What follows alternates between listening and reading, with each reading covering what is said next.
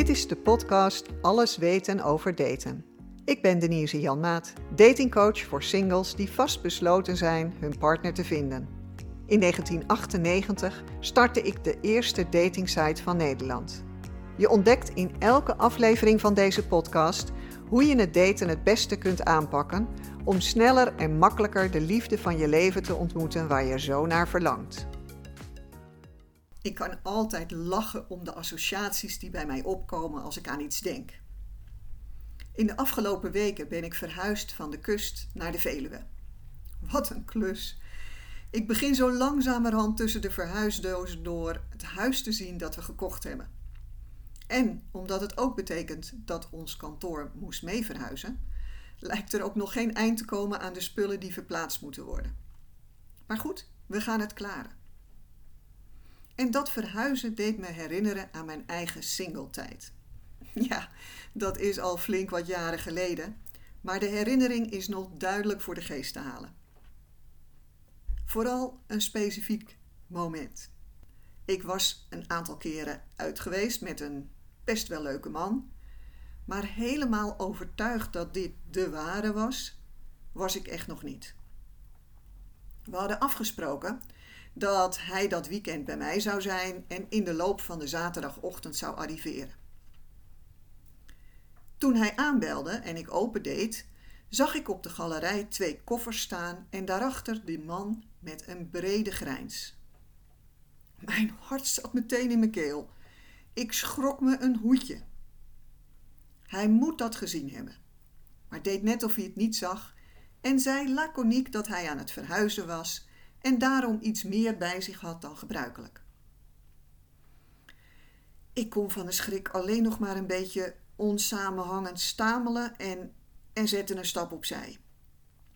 En dat moment benutte hij om zijn koffers op te pakken en in de gang te zetten.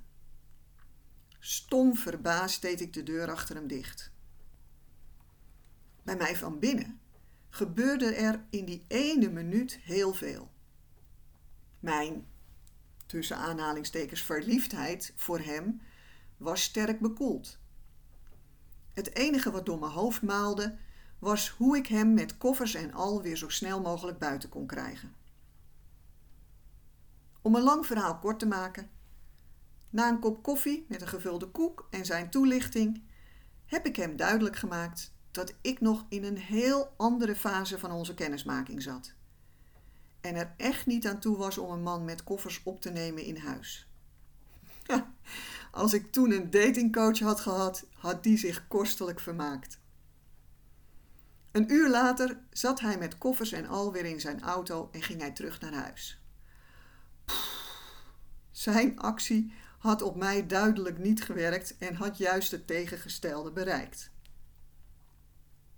Wat ik toen op dat moment van mezelf geleerd heb, nou, dat ik meer tijd nodig had om stappen met iemand te zetten. En dat de verliefde fase voor mij meer tijd nodig heeft om uit te groeien naar een beginnende relatie. Ik noem dat niet zo gauw een beginnende relatie. Dat kost even tijd. En nu, heel veel jaren, studies en werkervaring als datingcoach verder en inmiddels al langere tijd getrouwd, zie ik natuurlijk ook dat ik er ook nog niet aan toe was om te binden. In ieder geval nog niet aan deze man die zulke voortvarende stappen zette en me voor een voldongen feit plaatste. Ik had natuurlijk ook te weinig gedeeld over hoe ik ons contact ervaarde. Mijn signalen waren zeker ook niet duidelijk genoeg. Hij bleek echt het idee te hebben dat er een bestendige relatie aan het groeien was. Terwijl ik weifelend en onderzoekend mijn weg aan het vinden was. En daar had ik hem in mee moeten nemen natuurlijk. Nou, en als je het dan hebt over associaties.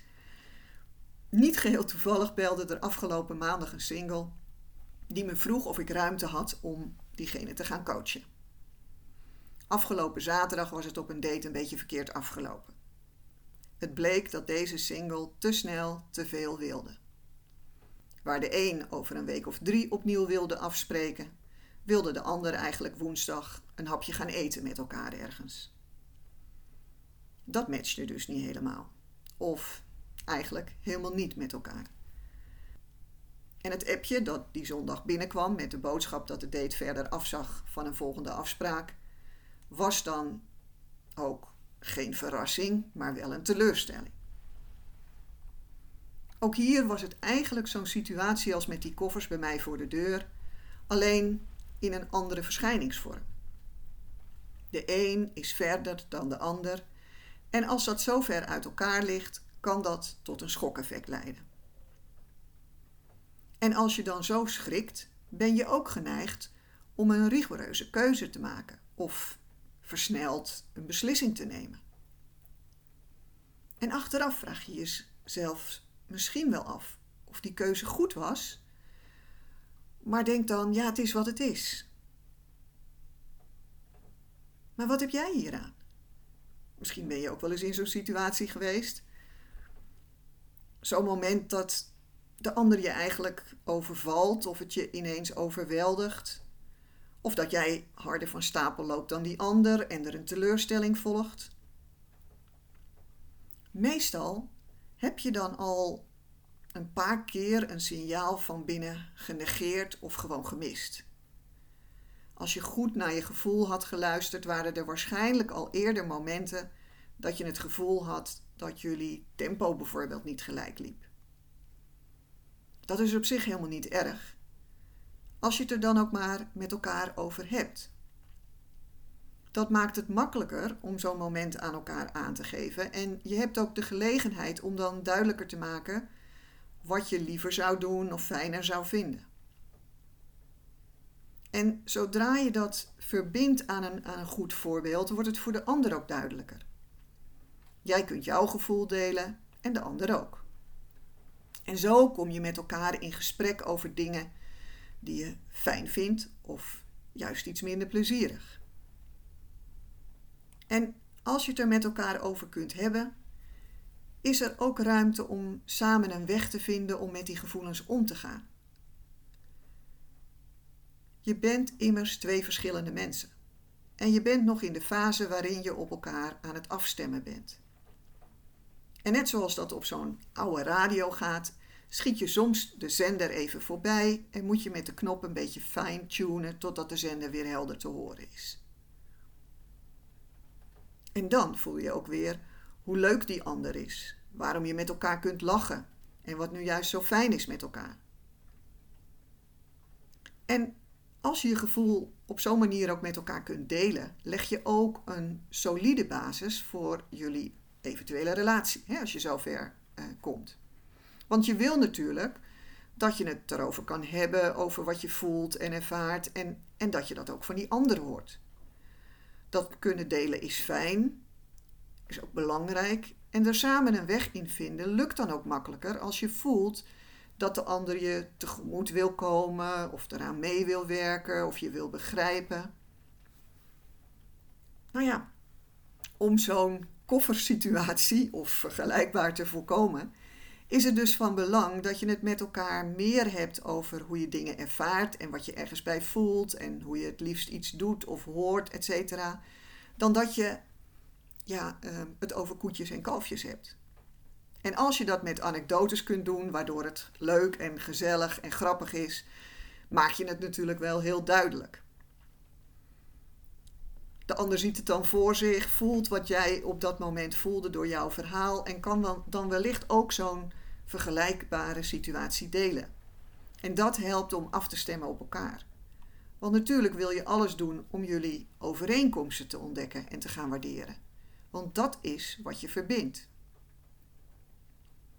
En dat begint dus al door in je profiel met voorbeelden aan te geven wie jij bent en wie je naast je wil. want ehm, in mijn eerdere eh, afleveringen van de podcast heb je daar natuurlijk al veel voorbeelden van gehoord. Dat je vooral goed moet beschrijven wat jij graag wil. Maar dat doe je ook met je foto's door die zo te kiezen dat ze je tekst onderstrepen. En dat doe je door in je contactverzoek ook op zo'n manier de ander uit te nodigen.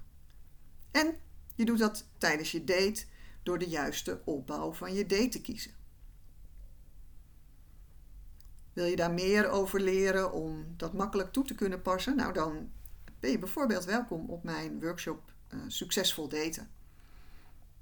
Dan ga ik een hele dag in een klein groepje intensief met je aan de slag. Met jouw voorbeelden, met jouw situaties. Al die anekdotes komen dan boven, maar dat zijn ook heel veel leerzame momenten.